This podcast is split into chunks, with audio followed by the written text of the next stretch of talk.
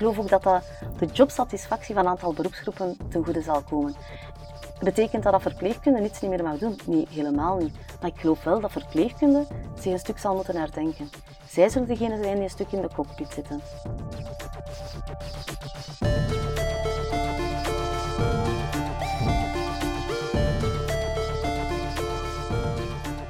Welkom bij Health Nerd, een podcast op het kruispunt van zorg, technologie en ondernemerschap. Mijn naam is Tom Raakleers en dit is de Health Podcast.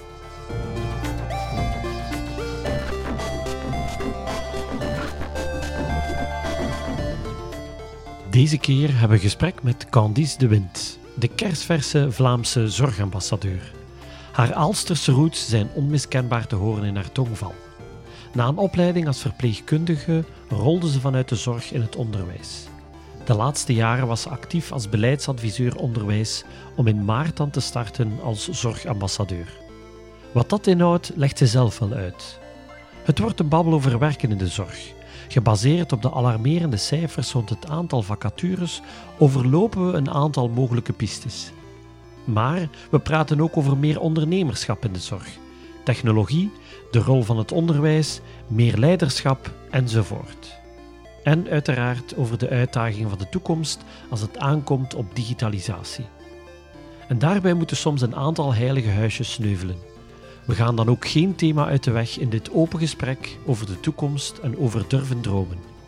Geniet van deze aflevering van Health Nerd, die met Candice de Wind.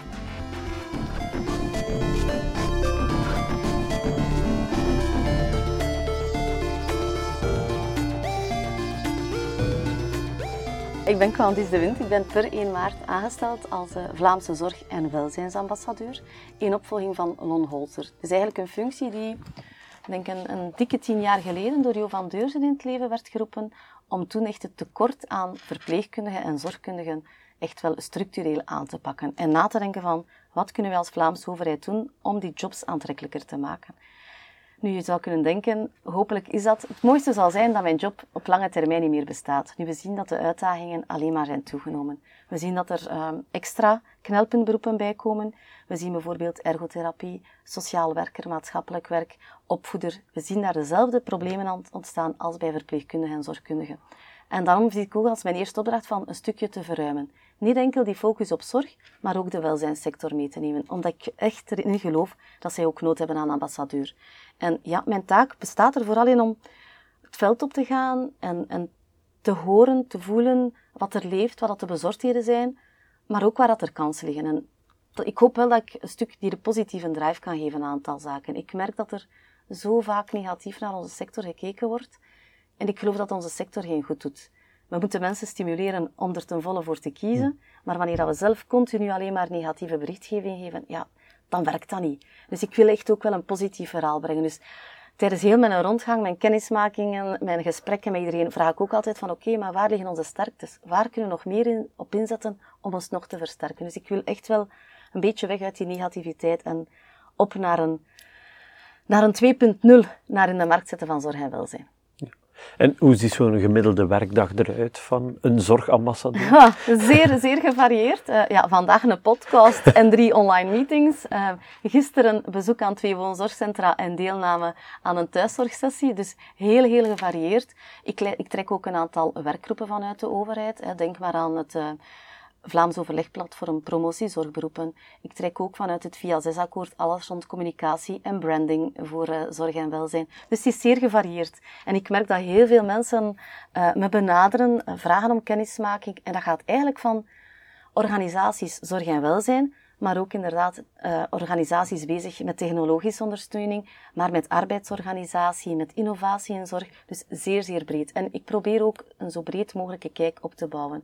Ik zeg soms thuis van, het is een privilege. Ik krijg de kans om eigenlijk van op een afstand, maar toch er met, met de voeten in, kennis te maken met een heel, heel breed landschap. En ja, ik heb ook de link met onderwijs vanuit mijn achtergrond. Ik denk dat dat er ook voor zorgt dat ik soms ook wel een aantal kansen zie van oké, waar kunnen we elkaar nog meer versterken? Waar zijn linken met onderwijs mogelijk? En ik merk ook wel, doorheen mijn vele contacten, en een dag bestaat gemiddeld toch uit vijf, zes afspraken wanneer ik niet op de baan ben, uh, dan merk ik toch wel dat ik daar een verhaal uit begin te distilleren. En dat ik toch wel een aantal dingen zie die structureel overal terugkeren. En ja, het is ook wel mijn, mijn droom om dat een stukje verder aan te pakken en ook een stuk daarop in te zetten van oké, hoe kunnen we een verhaal maken om toekomstgericht zorg en welzijn in de kijker te zetten. Ja. En hoe, hoe ben je daarin gerold? Uh, hoe word je zorgambassadeur? Goh, dat, is ook, dat is ook een heel goede vraag, Tom. Uh, ja, ik denk dat dat een beetje ja, een toevallig parcours geweest is, zoals heel veel zaken in mijn carrière. Ik heb heel bewust gekozen voor een opleiding verpleegkunde. Na, op mijn 18 jaar, na een studie Latijn-wetenschappen, gegaan voor een opleiding verpleegkunde. Heel snel daar ook al gemerkt van, goh, alles rond beleid en zo interesseert me ook wel. Ik heb dan in Leuven mijn licentie ziekenhuiswetenschappen aangevat. Onmiddellijk tijdens mijn licentie wel aan de slag geweest in... Uh, een HBO-5-opleiding verpleegkunde heb ik gedoseerd dan en stagebegeleiding gedaan, maar ook al aan de slag in het Onze Lieve Vrouw ziekenhuis. Dus gecombineerd wel mijn studies. En dan na het afstuderen onmiddellijk de kans gekregen, ook weer toevallig, om stafmedewerker te worden in een psychiatrisch centrum vlak bij mijn deur. En daar heb ik echt heel veel geleerd. Ik geef dat heel eerlijk toe vers van de schoolbanken, heel idealistisch van oké, eh, ik wil dat en dat bereiken. En dan een stuk een beetje met beide voeten op de grond van oké, wat betekent dat een grote organisatie, het bestuur, het beleid daarvan, omgaan met hoofdverpleegkundigen, maar ook met patiënten, met zorgvragers, heb ik heel, heel veel geleerd, heel graag gedaan. En dan, ja, heel toevallig ook weer de overstap naar hoger onderwijs gemaakt, vraag gekregen om docent te worden. Vanuit docentschap eigenlijk directeur zorg geworden binnen de hogeschool en dan overkoepelend directeur. Ook allemaal ja, een beetje, denk ik, ja, soms de juiste persoon op het juiste moment. Ik noem dat toeval. Ja, uiteraard moet je wel een aantal zaken doorlopen. Ik heb ook altijd assessments en zo ondergaan. Maar ik was precies altijd de juiste persoon op de juiste plaats. Ook tijdens fusiebewegingen van de hoger onderwijsinstelling. Waardoor dat ik natuurlijk ook heel veel kansen intern heb gekregen om te groeien. En dan heel onverwacht ook de vraag vanuit een kabinet wijds van oké, we hebben echt wel expertise hoger onderwijs nodig, vooral gericht op zorg en op lerarenopleiding. Daar dan de sprong naartoe genomen, omdat dat ook heel mooi aansloot bij mijn parcours. En vandaar dan ook weer een beetje onverwacht de vraag gekregen van, goh, Lon Holzer gaat op pensioen. Je hebt daar altijd heel nauw mee samengewerkt, goed mee samengewerkt. Ik ben ook wel trekker geweest in een aantal, medetrekker geweest in een aantal dossiers rond opbouw van de leerladder verpleegkunde, een vierde jaar verpleegkunde. Dus mijn link met zorg is wel altijd gebleven, maar dan toch vrij onverwacht de vraag van Candice, zorgambassadeur. Ja, dan is opeens een stroomversnelling geraakt, een aantal gesprekken gevoerd en opeens dan uh, vlak voor kerst de verlossende telefoon van, uh, het was zelfs kerstavond denk ik, dat ik de verlossende telefoon kreeg van uh, Candice, je krijgt de functie aangeboden. En dan, ja, er nu met uh, beide voeten ingesprongen. Ja. Nog één maand overdracht gehad van Lon. Uh, gelukkig. Lon is nog altijd op de achtergrond aanwezig. Dus dat is ook mhm. wel fijn dat ik nog altijd een stukje backup heb. Um, maar ik wil ook wel mijn eigen weg vinden daarin. Maar dus ja, een, een aaneensluiting denk ik van wel de juiste achtergrond, de link met heel veel zaken. En dan ja, gewoon naar persoonlijkheid en, en naar juiste persoon op juiste plaats zijn. Ja.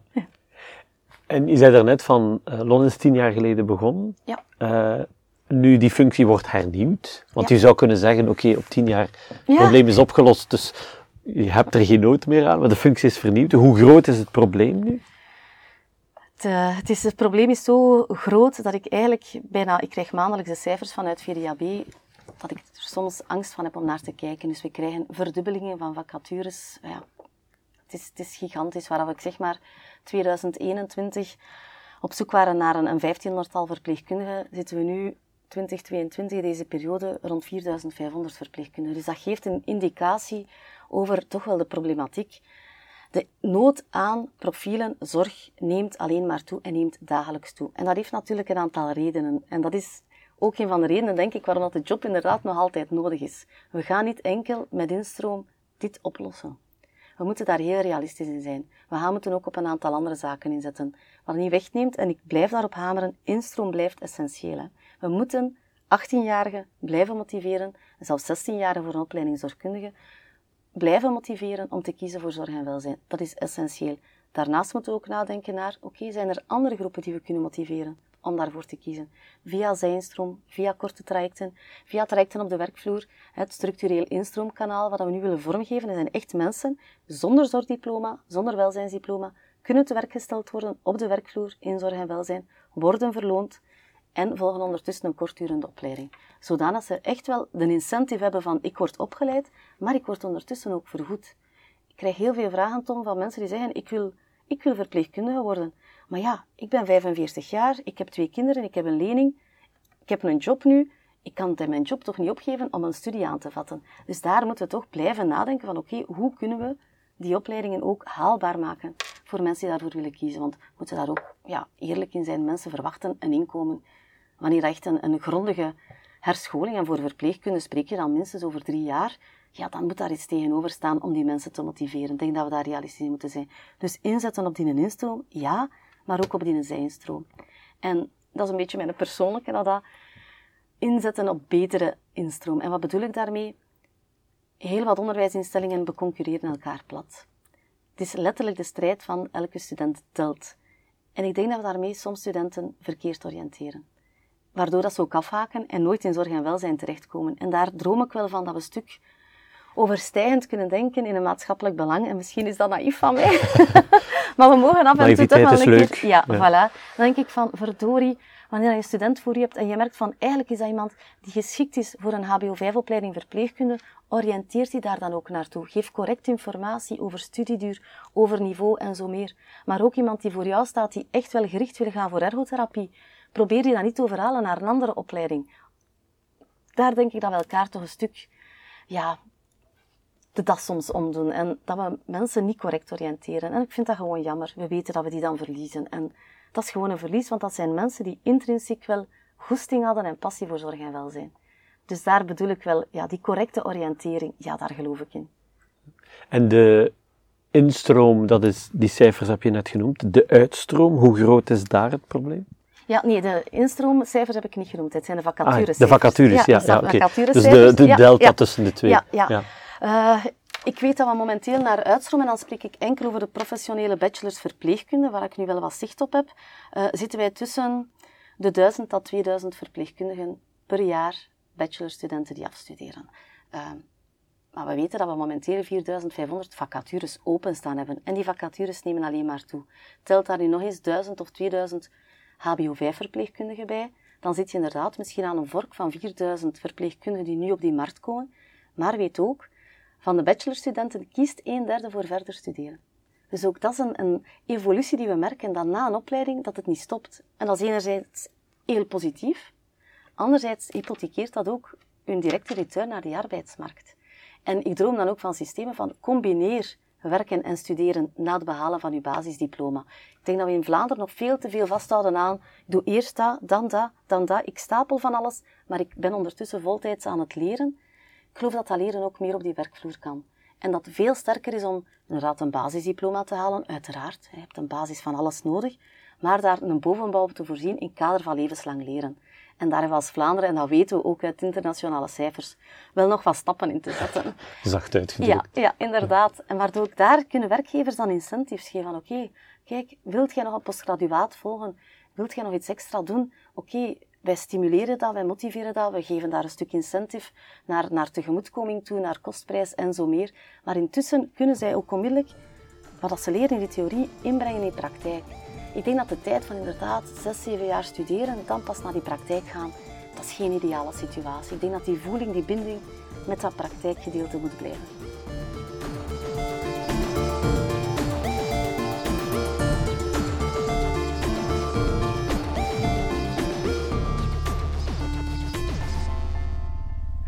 Ik ben economist van achtergrond, dus ik kijk naar vraag en aanbod. Dan uh, kan ik mij voorstellen dat de, als je zo'n grote vraag hebt naar, naar verpleegkundigen, dat die net afgestudeerd een heel sterke positie hebben.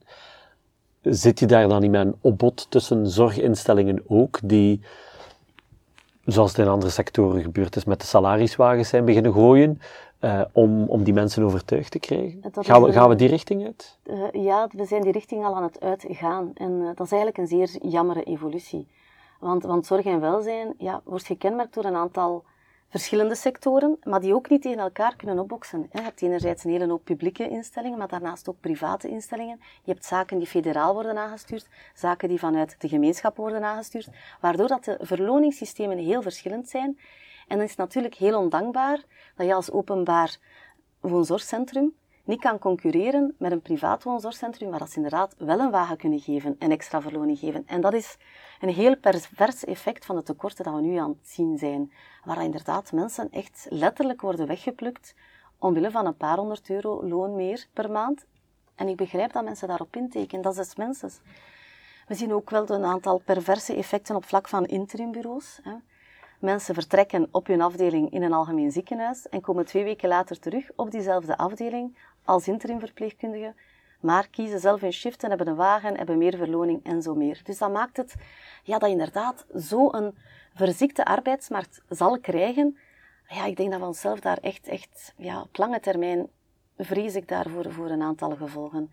Wij kunnen dat ook als maatschappij niet blijven betalen. Je moet daar ook realistisch in zijn. Ik vind ook wel dat we ik, ik honoreer ook wel het principe van oké, gelijk loon voor gelijk werk. En daar mag een differentiatie in zijn. Je hebt, ik denk dat iedereen daar ook voorstander voor is, maar we moeten wel zien dat het verschil tussen een aantal sectoren niet te groot wordt. Hoe kan je motiveren dat iemand kiest voor bijzondere jeugdzorg met zoveel honderden euro's loon minder per maand ten opzichte van een andere sector? Allee, ik denk dat we daar ook als maatschappij moeten, dat debat moeten beginnen voeren. En dat is een hele moeilijke. Wil je ingrijpen op die vrije markteconomie? Ja, dan nee. En hoe ga je daar dan op ingrijpen? En hoe ga je ervoor zorgen, en dat vind ik de belangrijkste vraag, dat al die subsectoren zorg en welzijn een beetje gelijkwaardig aan de strijd, aan de, aan de startlijn komen om mensen te kunnen recruteren. En nu merken we dat mensen gewoon echt wel kiezen voor een sector vanuit passie en goesting. En dat is fantastisch. Maar we weten allemaal, op het einde van de maand moet daar wel iets tegenover staan. En je kan niet blijven rekenen op goodwill. En ja, het is een evolutie die mij zeer bezorgd maakt. Ja. Zijn er andere landen die dat op een andere manier oplossen? Uh, NHS bijvoorbeeld, waar alles gecentraliseerd ja, ja, is? Natuurlijk, ja, dat zijn ook dan de systemen waar je inderdaad zo een centraal aangestuurd ja, healthcare of een, een zorg, gezondheidszorgsysteem hebt, dat je ook wel weet dat daar ook een aantal nadelen aan zijn. Dus ik denk dat we in Vlaanderen een aantal hele goede zaken hebben, in België ook federaal geregeld, maar dat we gewoon kritisch moeten zijn naar, oké, hoe kunnen we nog meer afstemming federaal Vlaanderen bekomen? Om daar bijvoorbeeld woonzorg versus ziekenhuizen een stuk op elkaar af te stemmen, maar ook die openbare sector, de steden en gemeenten, dat daar ook wel wat meer flexibiliteit in een aantal procedures moet komen. Denk maar aan aanwerving. Steden en gemeenten worden altijd geconfronteerd met aanwervingsprocedures, selectiegesprekken, een externe jury en zo meer, versus privaat. Ja, oké, ik krijg iemand op gesprek en kan onmiddellijk zijn, jij mag morgen starten, hier is je contract. Dus ja, dat maakt toch wel dat je daar een beetje een oneerlijke concurrentie krijgt. Dus ik denk dat we ons systemen gewoon meer op elkaar moeten afstemmen en durven moeten een aantal hiaten en valkuilen benoemen en samen op zoek moeten gaan naar oplossingen. Want we willen allemaal hetzelfde. Dat is goede zorg leveren voor onze maatschappij. Voor die kwetsbare ouderen, voor die jongeren, voor dat kind, maar ook voor die mama die moet bevallen, voor uw dochter die een goede behandeling op spoed krijgt. Dus het gaat echt wel naar een maatschappelijk belang. Een van de zaken die ook bij COVID naar boven kwam, is dat heel veel mensen zeiden: het is een sector waar we ons niet op pensioen zien gaan. Ja. Dus de, het feit dat ze hun carrière ergens halverwege gaan stoppen in de zorg, is dat ook iets waar je mee bezig bent? Ja, dus een stukje, ja, dus enerzijds, sluit aan bij mijn verhaal, Tom, we gaan enerzijds moeten inzetten op instroom, maar anderzijds gaan we ook moeten inzetten op retentie. En ik denk dat dat de gouden factor zal zijn momenteel, of een van de sleutels, om toch wel te zorgen dat de zorg en, en het zorgen voor zorg en welzijn, dat dat ja, kan blijven bestaan. We moeten onze mensen ja, er moet een modern HR-beleid zijn. Ik denk dat we nog altijd in een aantal instellingen geconfronteerd worden met heel klassieke structuren. Ik geloof heel erg in innovatieve arbeidsorganisaties. Ik, heb de voorbije weken er ook wel gezien, die werken, waar dat eigenlijk zorg vanuit, en zo noemen dan de patiënt of de zorgvrager zelfs gast of bewoner, uh, wordt georganiseerd eerder dan heel strikke verticale structuren, wordt echt een heel team rond die bewoner, rond die gast en daar wordt zorg op maat gegeven. Maar dat maakt ook dat je mensen stimuleert op een andere manier te kijken naar hun taakinvulling. Dat zorgt er ook voor dat inderdaad ook een onderhoudsmedewerker eens kan een activiteit opnemen of de krant eens kan lezen met een bewoner in een woonzorgcentrum. Dat zorgt voor een stuk dynamiek onderling. En ik geloof ook wel dat dat, die autonomie, ja, ik geloof heel erg in de, ehm, zelfdeterminatietheorie, hè, dus dat je echt wel hè, autonomie, zelfbeschikking, verantwoordelijkheid, dat die combinatie van heel veel factoren zorgt dat je tevreden bent in een job. Wanneer we mensen gaan zeggen van kijk, jij start als verpleegkundige hier in ons woonzorgcentrum, dat zijn uw taken en je werkt elke dag van 8 tot 5 en voilà, dat is het. Dan heb je geen bewegingsruimte. Het is veel fijner om inderdaad een team een stuk die verantwoordelijkheid, dat eigenaarschap te geven van oké, ga samen met je patiënt, met je bewoner aan de slag, denk hoe dat je die zorg daar rond kan organiseren, hoe kan iedereen betrokken worden en zorg op die manier ook voor een goede taakdifferentiatie. Zet mensen in op talenten en dat is een ommekeer die we moeten maken in zorg. Dus die retentie, ja, ik geloof dat daar nog een aantal kansen liggen. En dat heeft te maken met verloning, stukje, heeft te maken met HR-beleid, heeft ook te maken met inderdaad, ja, het werk werkbaar houden. En daar denk ik dan bijvoorbeeld ja, aan systemen van ja, mensen te, te motiveren om inderdaad minder werk op te nemen. Hè. We hebben daar nog altijd een aantal heel mooie systemen in zorg, moeten we ook durven benoemen. En vanaf 45 jaar 12 dagen per jaar bij, vanaf 50 24, vanaf 55 36 dagen per jaar bij. Waardoor je eigenlijk iemand vanaf 55 80% laat werken voor 100% te verlonen. Dus dat zijn systemen. Misschien moeten we daar ook durven over nadenken om die uit te breiden. En dan misschien al vroeger in een loopbaan in te bedden. Maar dan gaan we heel het systeem moeten durven herbekijken. Ook die verworven rechten naar zoveel dagen vanaf een bepaalde leeftijd. Misschien moeten we naar een systeem gaan dat inderdaad veel sneller inzetbaar is, maar ook betaalbaar. Dus dat zal ook weer opnieuw een afwegen worden. Maar ik geloof er wel in als je mensen, hè, dat is ook het Nederlandse systeem, je zet, je zet mensen 80% in en je verloont ze 100%. En op vier dagen presteren ze wat ze anders op vijf dagen doen. Ik geloof daar wel in. Dat zorgt ook voor die work-life balance. We merken ook in zorg en welzijn heel wat alleenstaande mama's. Uh, mama's die dan inderdaad soms moeten combineren met andere jobs die inderdaad instaan ook voor opvang, ondersteuning van kindjes, ja, dat werkbaar houden, denk ik dat ervoor zorgt dat mensen ook blijven kiezen voor de sector, wanneer je daarop inzet om die combinatie mogelijk te maken. Dus ik zie dat als een onderdeel van een totaalpakket. Ja. En de reglementering in de sector, want hij is heel sterk gereglementeerd met titels en wie mag wat doen. En is, is, is dat combineerbaar? Ja, dat is zeker combineerbaar. In die zin dat ik ook wel merk dat we daar toch wel aan een vergaande denkoefening bezig zijn om daar een stukje van los te komen. Ehm, dat ligt gevoelig voor een aantal beroepsgroepen. Ik denk dat dat mag benoemd worden. Hè. Ik ben zelf verpleegkundige. Ik weet hoe beschermend verpleegkundigen zijn naar hun handelingen, hè, naar de mhm. verpleegkundige actes. Ik denk dat we gewoon samen moeten nadenken van oké, wat is zorg en welzijn op lange termijn? En wie mag wat doen? Ja, oké, altijd binnen een veilig kader. Maar laat ons eerlijk zijn, ik kan mijn dochter van 17, ik kan die straks leren inenting geven. Het gaat niet over die inenting. Het gaat over het totaal gebeuren. Over inderdaad weten wanneer moet ik opmerken, kan ik die inenting nu geven? Hoe gaat dat met mijn patiënt, met mijn zorgvrager? Zie ik hier andere symptomen waardoor ik misschien moet zeggen van, god, die patiënt heeft momenteel 38,5, ik ga die inenting nu niet geven. Ik ga registreren en iemand eerst laten komen of het wel kan. Dat is werken in zorg. En dat is een stuk breder dan die handelingen. En ik denk dat we daar moeten een stukje uit loskomen. En inzetten ook, wat mij betreft, een ergotherapeut, een zorgkundige. Mensen een kader aanreiken waarbinnen dat ze wel een aantal handelingen mogen stellen. Ja, ik geloof ook dat dat de jobsatisfactie van een aantal beroepsgroepen ten goede zal komen. Betekent dat dat verpleegkunde niets niet meer mag doen? Nee, helemaal niet. Maar ik geloof wel dat verpleegkunde zich een stuk zal moeten herdenken. Zij zullen degene zijn die een stuk in de cockpit zitten. En een stuk moeten bekijken van, oké, op basis van de data. We hebben het er nog niet over gehad, maar hè, ik geloof ook wel in ondersteuning door, door wat data. Op basis van de info die ik krijg van mijn mensen van data, moet ook die zorg georganiseerd en gecoördineerd worden. En dat betekent ook, en we weten allemaal, zorg is zeer klassiek georiënteerd en gestructureerd. Ik start in kamer 1 en ik eindig in kamer 20. mijn zorg is organiseren van, oké, okay, op basis van data en input, ik start in kamer 16, dan ga ik naar kamer 18 en dan misschien pas naar kamer 1. Dat vereist al een hele andere manier van kijken. Maar dat zijn kleinigheden, maar die kunnen er wel voor zorgen dat zorg helemaal anders kan. Dus ja, ik geloof in heel veel zaken. Ik geloof niet in een gouden oplossing, anders zouden we die al heel lang gehad hebben. maar ik geloof in verschillende stukjes. ja. ja.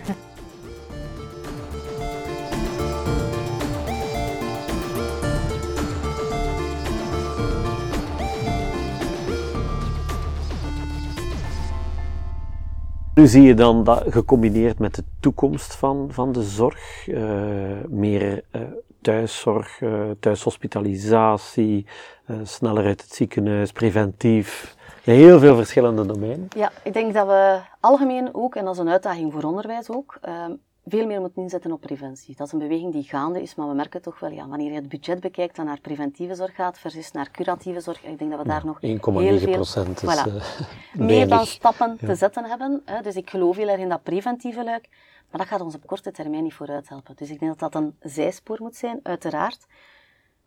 Korte hospitalisaties, ja, een lichtduur verminderen, ja, maar dan wel ondersteund naar een thuissituatie. We merken toch ook wel heel veel mensen die in een thuissituatie blijven zitten zonder netwerk en die daar ook vereenzamen. Dus ik denk dat een hele mooie evenwichtsoefening moet zijn tussen aanbod van verschillende diensten, mantelzorg, waar dat we echt als maatschappij moeten op blijven inzetten. We zijn een stukje weg van inderdaad de dochter die voor mama zorgde, of voor de grootouders zorgde, omwille van het feit, ja, emancipatie. Vrouwen werken ook voltijds, kinderen gaan naar school. Ik bedoel, die mentaliteit is een stuk weg. Maar we moeten toch durven nadenken van hoe kunnen we een stuk meer inzetten op die mantelzorg? Hoe kunnen we ook buurt inschakelen in zorgen voor elkaar? Een stuk die signaalfunctie daar. Daar geloof ik heel erg in. Maar ik geloof ook op een bepaald moment gaan er mensen zijn die meer nood hebben of meer gebaat hebben naar die omkadering in een woonzorgcentrum. Of die om de omkadering. Ik heb gisteren naar iets totaal nieuws gaan kijken. het noemde een beetje ludiek senioren onder de toren. Dat is eigenlijk een collectieve gemeenschap van een aantal senioren die hun eigen flat hebben, maar hun zorgbudget samenleggen. Daardoor is er wel een continuïteit van zorgverlening aanwezig, maar die koken ook samen. Dus echt een collectieve gemeenschap, maar die dragen ook zorg voor elkaar. Dus dat is een stuk tussenvorm. En ik denk dat we dat meer en meer gaan zien ontstaan van eigenlijk die grens tussen wonen in mijn eigen woning versus woonzorgcentrum, ik denk dat daar een aantal mengvormen zullen ontstaan. Ik denk dat we daarop moeten inzetten ook. En dat we daar echt wel alles rond zorgzame buurten in moeten integreren. Hoe zie je daar de rol van technologie in heel dat toekomstverhaal? Ik merk heel wat schroom ten opzichte van technologie. Eh, ik vind dat jammer, maar ik begrijp dat ook wel. We zitten momenteel met een generatie in onze zorg- en welzijnssector die ook volop aan het uitstromen is, moeten we ook eerlijk in zijn, want dat is een van de problemen waardoor we momenteel met een enorm tekort worden um, ja, geconfronteerd. Is de uitstroom van onze babyboomers, hè, de babyboomgeneratie, die eigenlijk minder die digitale geletterdheid, dat klinkt nu heel mhm. negatief, maar die dat minder hebben. Die zijn niet opgegroeid met een computer. Ja, wij in principe ook niet. We zijn ook al... Uh, we hebben het nog moeten leren. We hebben het nog moeten leren, versus onze kinderen, die, ja. dat is van bij de geboorte, zijn die daarmee opgegroeid. Ze hadden een heel andere visie zijn op omgaan met data. Um, dus ik denk dat we daar moeten op inzetten om mensen toch wel die stap te laten nemen. En ik geloof dat dat enorm kan ondersteunen. Kan technologie zorg overnemen? Nee. Maar ik denk wel dat zorg kan ontlasten. En ervoor kan zorgen dat de juiste ruimte en tijd vrijkomt om te kunnen zorgen op de manier die we willen zorgen. En wat bedoel ik daarmee? En ja, mensen zijn dan soms boos. Hè, dat gaat dan, krijgen een heel negatieve reactie, want ze pikken er dan een stukje uit. Hè, slim incontinentiemateriaal. En dan zeggen ze, ja, je denkt aan een slimme luier, alles zal oplossen. Nee, helemaal niet. Maar wanneer ik gewoon zorgcentra zie waar dat geïntegreerd is, die volgen op een scherm perfect weten wanneer een bewoner nat ligt of niet.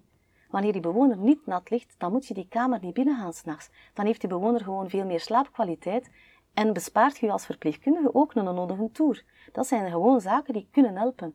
De slimme lampen van Nobi, nog een ander voorbeeld, maar ook naar automatische registratie in ziekenhuizen van parameters.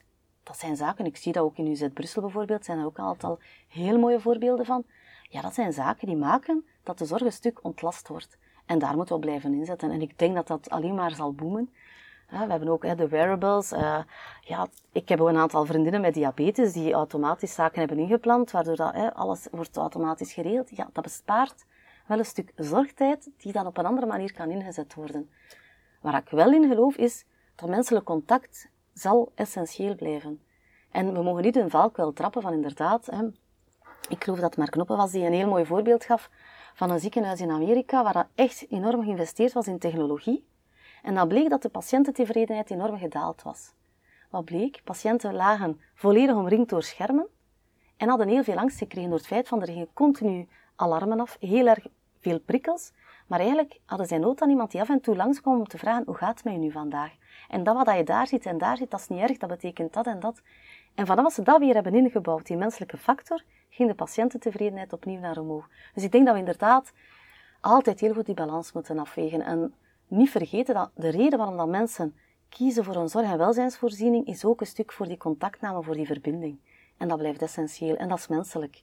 En daar ligt ook de kracht van onze sector. Daar geloof ik heel erg in. Dat is de, mijn, mijn voorgangster Lon heeft dat heel mooi geformuleerd. Dat is de privilege van het zorgdragen voor. En dat klinkt een beetje, ja, ik vind dat zo'n beetje wollig klinkt.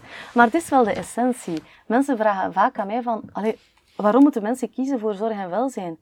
Ja, dat is een stukje voor die technologie. Ja, dat is voor dat teamwerk. Ja, dat is voor die shiften. Want er wordt heel veel negatief gezegd over shiften, maar dat geeft ook veel flexibiliteit. Dat geeft ook veel kansen naar organisatie van je work-life, combinatie met andere zaken en zo meer. Maar toch wel, de meeste voldoening die je krijgt, is net de momenten waar dat je van betekenis kan zijn. En ja, blijf ervan overtuigd dat zorg en welzijn zijn daar gewoon de uitgelezen sectoren voor om dagdagelijks een verschil te maken. En als die mensen dan binnenkomen in dat beroep met die ambitie, ja. wat zeer lovenswaardig is, en dan geconfronteerd worden met technologie, wat is die eerste reactie daarop? We merken uit onderzoek dat de eerste reactie inderdaad, ja, vaak is dat die technologie dan blijft liggen en dat die niet gebruikt wordt. Dus ik denk, om een geslaagd verhaal te maken van, van technologie in zorg, uh, technologische innovatie in zorg, is professionalisering essentieel. En een stuk samen aan de slag gaan als team. Ik geloof niet meer in die klassieke professionalisering van, eh, we gaan hier een, een docent zetten die ons hier een keer als team zal komen uitleggen hoe. Dat kan, heel kort, heel gericht, kennisoverdracht, kwartiertje, een half uurtje, maar kan volgens mij ook blended of op een andere manier, via een e-learning module of zo meer. Maar dan gaat er vooral van, oké, creëer een veilige omgeving in je team. Ga samen aan de slag, probeer dan een keer uit bij een aantal bewoners, een aantal patiënten. Geef dat tijd en ruimte om te groeien. Ik denk dat daar vaak een obstakel zit, dat onmiddellijk beleid beslist, ja, we gaan dat doen. Voilà, iedereen wordt daar geconfronteerd met een hoop materiaal en doet maar vanaf morgen. En er is een e-learning beschikbaar en voilà, trek je plan. Nee, dat werkt niet meer. Ondersteun mensen, geef tijd om inderdaad dat te leren, aan te leren, te leren van elkaar, maar ook, ja, en dat is een woord dat we niet, graag horen in de huidige context van zorg en welzijn, maar ook tijd om een paar fouten te maken. Ik zeg altijd, dat is trial and error. Dat, zijn dingen, dat is dingen uitproberen. Hoe hebben we leren rijden? Door een aantal dingen te doen. Hoe hebben we onze eerste smartphones leren gebruiken? Door het te doen. En door inderdaad af en toe denken, godverdorie, wat ik hier gedaan heb, wat heb ik nu gedaan? Dat werkt niet. Ja, dat hebben we ook nodig. En die mentaliteit, en dat hoort voor mij ook bij wat we daar juist over hadden, Tom, bij goed HR-beleid. Geef mensen tijd, geef mensen kansen om te oefenen en fouten te maken. In een veilige omgeving. En daar als team samen van, zeg, ik heb gezien dat jij dat zo aanpakt, ik ben daar tegenaan gelopen, geef die veiligheid om daarover te praten. En we hebben eigenlijk als, als maatschappij te weinig, te weinig die attitude. En dat is moeilijk, hè. het is veel gemakkelijker om te zeggen, alles gaat goed, dan te benoemen wat er minder goed gaat. En net daar liggen uw leerkansen, in dat minder goede durven benoemen en ermee aan de slag te gaan. Dus ik denk dat we daar als beleid, en dat gaat dan van overheidsbeleid, maar ook beleid van instellingen, heel veel van te leren hebben van oké, hoe kunnen we een andere manier van leren in de markt zetten en veilige leersituaties creëren. Een beetje zoals we in onderwijs altijd proberen doen, ook met studenten. Heel gericht met stukjes, in een veilige omgeving, in een volledig gecontroleerde context en dan pas een volgende stap. En ik denk dat we altijd veel te snel willen gaan, waardoor dat dingen dan uiteindelijk niet geïmplementeerd worden. Hetgeen wat je nu zegt, dat durven experimenteren, dat is de ondernemende mindset. Ja. Dat is ook eentje van, waar ik nogal grote fan van ben. Uh, wat je ziet in bedrijven begint ja. nu te komen, van durven iets te proberen. Is de zorgsector daar klaar voor? Ja, ik denk dat de zorgsector daar klaar voor is. En ik denk dat dat ook een beeld is dat we moeten durven doorbreken. Ik zei het, ik heb de voorbije maanden heel veel instellingen leren kennen op een, ja, ik durf dat wel zeggen, een manier die mij echt wel gecharmeerd heeft. Een heel open manier mensen die echt wel zeggen van kijk, dat, dat hebben we geprobeerd en dat werkt, dat werkt niet. Ik merk dat er veel meer kracht wordt gelegd bij de teams. En dat er echt ruimte komt om na te denken van oké, wat willen wij? Wat wil onze bewoner? Ik zie nu, ook op afdelingen met mensen met, een, met dementie, gesprekken met die mensen in groep van wat willen jullie? Om toch nog die beslissingsruimte, op welk niveau dan ook, in te bouwen. Dat zijn zaken die vroeger ondenkbaar waren. En ja, ik vind dat een hele mooie evolutie. Dat we inderdaad de kracht van iedereen die aanwezig is, inzetten. En ik denk dat je daarvoor heel sterke leidinggevenden nodig hebt. Dus alles staat of valt met beleid. En dan merk je dat daar, dat zijn de nieuwe, de nieuwe garde leidinggevenden, ja, die moet daar echt op inzetten, op durven inzetten van een goede leidinggevende is eigenlijk iemand die gemist kan worden. Hè. Is eigenlijk iemand die voldoende kaders schept om de mensen veilig dingen te laten uitproberen. Ik zie meer en meer dat gebeuren, ja. Ik zie heel mooie voorbeelden moet zeggen, ik zie soms in de welzijnszorg, het heeft mij enorm gecharmeerd, mooiere voorbeelden dan in onze ziekenhuiszorg. Dus echt wel, waar dat echt van scratch van nagedacht, uiteraard omwille van de nood, hè, Tom. ik denk dat daar, het is letterlijk oorlog in onze zorg- en welzijnssector, maar dat creëert een aantal kansen ook. Mensen stellen in vraag wat dat ze al jaren op een bepaalde manier doen. En durven nadenken en van concepten loskomen. En ja, ik zie dat sociaal ondernemerschap, zie ik, ja. En ik denk dat we dat moeten stimuleren. Ik denk dat we moeten echt durven zeggen van, ja, daar, dat werkt goed. Hoe kunnen we dat nu een stuk verruimen naar de sector? En ja, onze koepels kunnen daar heel veel bij helpen. Professionalisering kan daarbij helpen, maar dat ook gewoon. En daar blijf ik zo vaak op mijn honger zitten, dat we positief in de pers zetten. Wat komt er in de pers? Alleen maar dat ene woonzorgcentrum waar is de kantjes van afgelopen worden. Is dat erg? Ja, dat is heel erg. Kinderopvang waar dat dingen gebeuren, dat is erg, dat is verschrikkelijk. Maar laat ons niet vergeten dat in het merendeel van de gevallen wordt zorg, wordt welzijn op een heel goede manier en een heel mooie manier afgeleverd en geleverd. En dat zouden we veel vaker positief in de kijker moeten zetten. Dan denk ik, verdorie, de pers die pikken alleen maar op wat negatief is, in de plaats van een keer samen na te denken van, hoe kunnen we nu die mooie kanten ook, en ik weet dat is minder sexy waarschijnlijk om dat in het nieuws te brengen, ja. maar dan denk ik, er zijn zo mooie zaken en ja, laat ons dat inderdaad, die kracht benutten om, om de dingen die wel werken. En ik zei, ik heb ook in de kinderopvang al eens een dagje meegedraaid, ook daar zie ik prachtige dingen. En dan denk ik, ja, en dan, dan schop ik zeker tegen een aantal heilige huisjes, moeten we ook een aantal bestaande structuren in vraag durven stellen. Denk aan onze klassieke inspecties, eh, ja, afvinklijstjes. Ja. Ik vind het belangrijker dat inderdaad in de kinderopvang, in de plaats van te kijken, zijn er voldoende bedjes en voldoende verzorgingskussens aanwezig? Nee. Op welke manier wordt hier omgegaan met de kindjes? Zet u daar eens een paar uur bij en kijk wat er gebeurt. Hoe worden kindjes aangesproken? Hoe wordt, zeg maar, een slapje aangedaan? Gebeurt dat achter het kind gaan staan en onverwacht een slapje aandoen of ervoor gaan zetten? En zeggen van, we gaan nu dat doen. Ook bij een tweejarige is dat heel belangrijk. En dan denk ik, dan zie je veel meer. En ja, we moeten een stuk weg van dat kwantitatieve en een stuk meer op kwaliteit en kwaliteitsbeoordeling durven inzetten. Maar dat is een moeilijke en ik weet dat. En het is natuurlijk veel gemakkelijker om te zeggen van, ah, bij alle bewoners is een baddag afgekruist, dus die zijn in orde.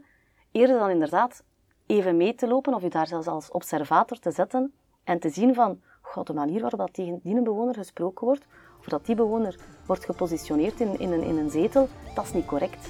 Dat is een heel andere manier van observeren, maar ik geloof wel dat we dat nodig hebben. En dat we daar moeten als maatschappij ook wel durven een aantal bestaande systemen durven uh, in vraag stellen.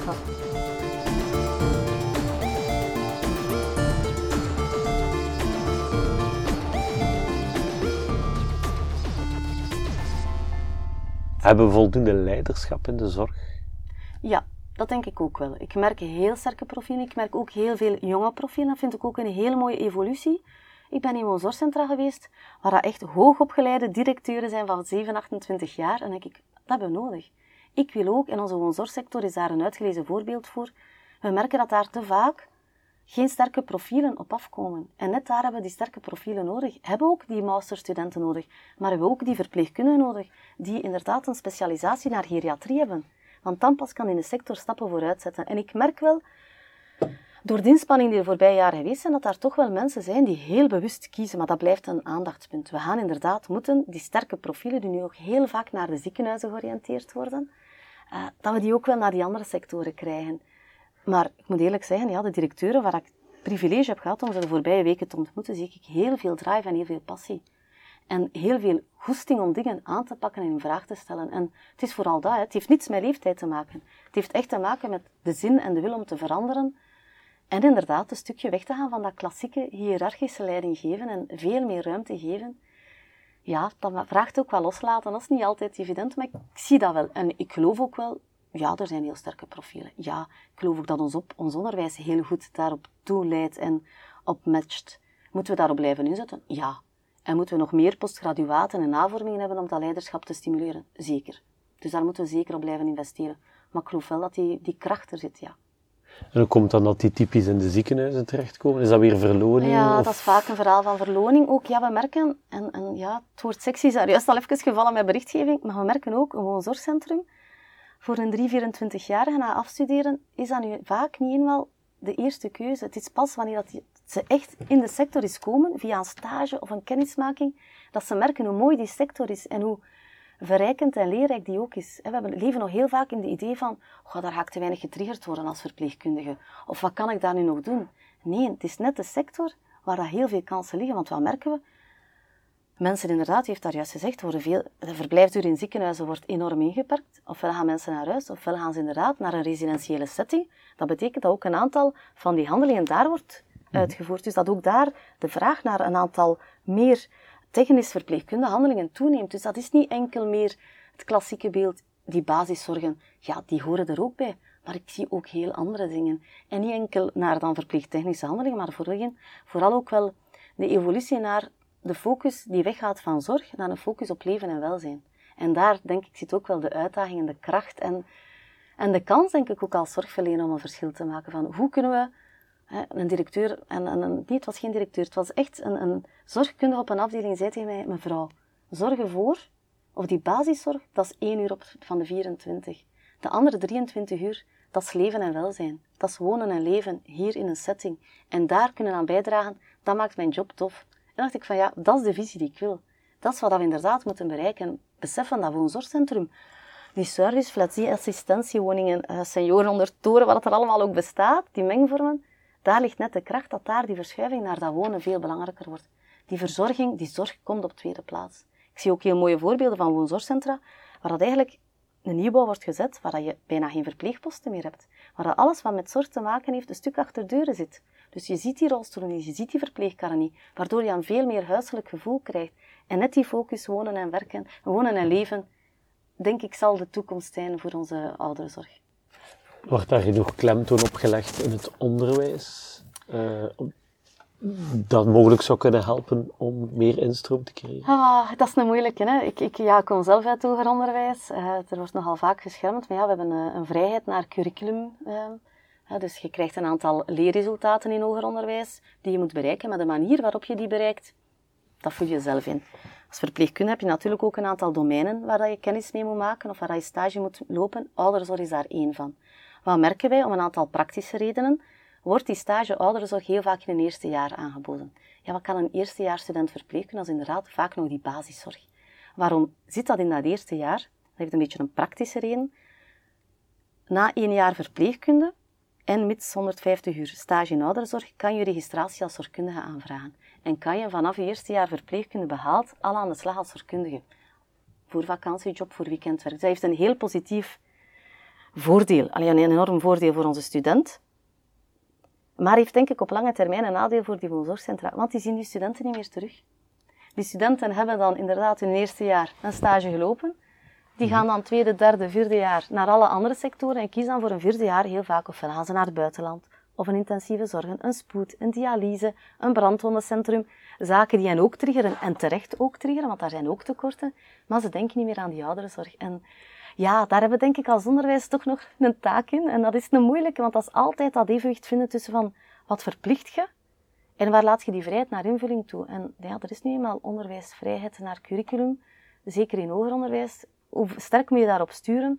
Ik daar ook in het eigenaarschap geven bij die opleidingen, vanuit die maatschappelijke betrokkenheid. Maar we merken dat dat een moeilijke is, ja. Dus ik denk dat daar nog een aantal kansen zitten, ja. En rond de technologieluik? Ah, ja, ook. Ja, we hebben, uh, er is nu een bachelor zorgtechnologie aan uh, Vives Hogeschool gestart. Uh, ik, zal nu moeten, ik weet nu niet van buiten hoeveel studenten dat er al ingeschreven zijn, maar ik vind dat een heel fijne evolutie. Maar dat is niet voldoende. Ik denk dat dat inderdaad focust op technologie en zorg, maar daarnaast zal elke opleiding die gelinkt is aan zorg en welzijn een stuk een luik moeten inbouwen rond technologie in zorg en welzijn. En daarmee leren omgaan. Ook leren omgaan inderdaad met data. Wat betekent dat als zaken binnenkomen? Hoe registreer ik zaken? Hoe ga ik daarmee om? Wanneer is een alarmsignaal nodig, wanneer niet?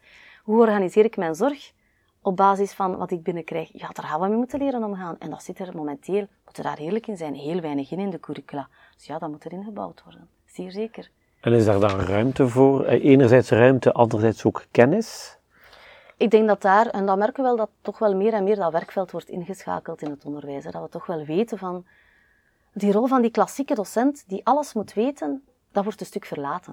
Ik denk dat een goede docent momenteel, zeg ik altijd, toen ik nog in onderwijs werkte, als docent ben je begeleider van leren. Geen leider van het leren. En ik vind dat een heel belangrijke nuance. We hebben de waarheid niet in pacht. We moeten ook voeling hebben met die praktijk en een aantal experts ervan inhuren durven aanspreken om inderdaad die expertise in die, dat onderwijs te brengen. Er is, we merken zoal een boom van zoveel systemen. Ja, je kan nooit als docent in je vakgebied met alles mee zijn, dat is ook een utopie. Dus laat ons dat verlaten en laat ons elkaar versterken. En ik denk dat die mindset er ook wel meer en meer is, ja. Ook ja, niet alles moet klassikaal, hè ook nadenken over andere vormen van leren. Via projectwerk, maar ook via e-learning modules, waar al een stukje assessment is aangekoppeld. Dat kan. We hebben dat ook heel mooi gezien bij de vijf uh, extra handelingen voor de zorgkundigen. Is er een module Penta Plus ontwikkeld, waarin dat echt zorgkundigen konden een stuk leren oefenen en nadien een assessment doen. En op basis daarvan een uiteindelijk het thuisschrift kregen om die vijf handelingen te mogen stellen. Dus dat werkt. En ik denk dat we daar gewoon moeten open-minded durven nadenken van ja, anytime, any place, anywhere. Ja, laat dat ook in ons onderwijs. En ja, dat is misschien een positief gevolg van COVID. We zien wel dat die omslag aan het gebeuren is. We hebben ook tijdens COVID gezien dat leren op een andere manier kan. En dat je niet altijd een docent nodig hebt die daar vooraan staat, drie uur te praten, om ja, kennisoverdracht te hebben. We weten ook dat, ik denk dat er onderzoeken zijn dat maar 15% is die blijft van een klassiek mm. over. Hoorcollege blijft maar 15% achter. Ja, dat is niets. Hè. Ja. En zeker in digitale tijden waar het zo snel gaat. Voilà. Ja. Kan dat daar opgevangen worden? Met die externen? Ik denk dat daar een stuk kan opgevangen worden, maar ik, belangrijker vind ik ook wel die attitude van levenslang leren meegeven in onderwijs. Het eindigt niet. Hè. Je bent maar een beginnende professional wanneer je afstudeert. En je moet ook weten dat je zal moeten blijven bijscholen levenslang. En dat je daarvoor ook gericht, samen met je werkgever, samen met collega's, moet op zoek gaan, maar ook voor jezelf, van oké, wat heb ik op dit moment nodig om bij te blijven? Of ik voel hier, God, dat komt hier aan, ik ben daar niet meer mee mee. Oké, wordt er iets aangeboden? Moet ik zelf een vraag stellen om iets aangeboden te krijgen? Om daar toch wel een stuk anticiperend op te zijn. Ja, we zien ook die portfoliowerking enorm opkomen. Hè, bijhouden van hoeveel uren vorming. Ja, dat is één stap. Uh, ik denk dat we allemaal wel weten dat vorming aan zich is niet altijd voldoende. Het gaat vooral naar die integratie van, van, van kennis en vaardigheden.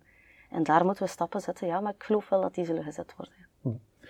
Een aantal jaar geleden uh, zei Pedro Facon mij, toen hij nog bij de FOT zat, van we staan voor de grootste trainingsoperatie in onze geschiedenis. Zijn de alle mensen die nu in de zorg werken, die op het juiste digitale niveau krijgen. Hoe kijk je daar naartoe? Ik denk dat hij daar een punt heeft. Hè. Dus inderdaad, wat we daar juist zeiden, digitalisering ja, is er. We moeten niet zeggen, komt eraan, is er. Hè. We hebben dat gezien met elektronisch patiëntendossier. Dus ik denk dat die basis digitale geletterdheid, dat die wel stilaan ingang gevonden heeft. Ik merk dat ook overal waar ik kom, daar wordt wel, ja, iedereen kan dan met een pc werken. Nu worden de volgende stappen gezet van oké, wanneer dat er technologie geïntegreerd wordt in de zorg, hoe ga ik daarmee om? En daar denk ik gaan we inderdaad moeten inzetten op een massa-educatie. Ja. Het mooie is dat zal starten nu ook bij onderwijs. Dus de generatie die over een paar jaar uitstroomt, zal dat mee hebben. Maar je hebt natuurlijk nog die tussengeneratie en die gaan we moeten meekrijgen. Ja. En dat zal investering vergen.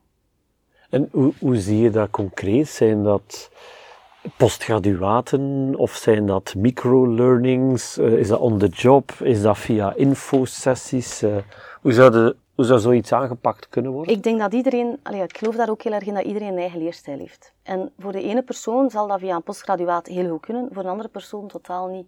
Dus ik denk dat dat ook een stuk een weg is en daar, ik refereer weer aan dat HR-beleid, gaat het er ook over van oké, ga met je werknemer actief op zoek van wat past bij jou. Ik denk dat je als organisatie altijd een aantal dingen, ook als overheid, een aantal dingen overkoepelend moet aanbieden, maar zet daarin ook echt in op wat heb jij nodig op dit moment. En kijk, we bieden nu een scope aan van oké, je hebt die inhoud nodig, maar dat kan via een blended module, dat kan via een postgraduaat, maar dat kan ook via een e-learning, of dat kan ook met een aantal collega's in team, dat we inderdaad iemand inhuren die het on the floor komt doen, of dat kan ook inderdaad on the job.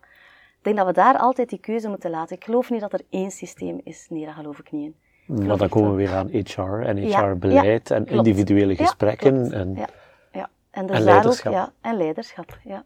Daar geloof ik, ja, daar, daar is echt een, een cruciale hefboom om een aantal dingen in gang te zetten. Ja.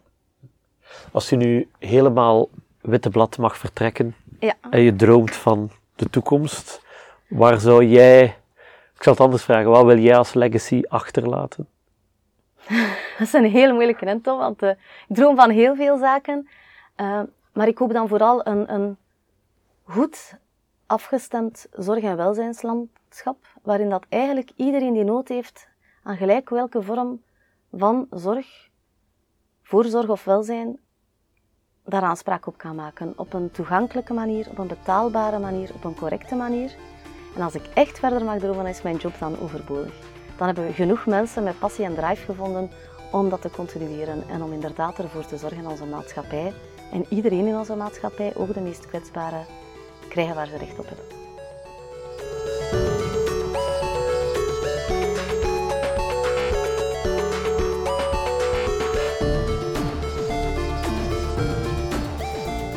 En hiermee sluiten we deze aflevering van Held Nerd af. Wil je deze of andere afleveringen herbeluisteren? Ga naar je favoriete podcastapplicatie of bezoek healthnerd.eu. Heel graag tot de volgende.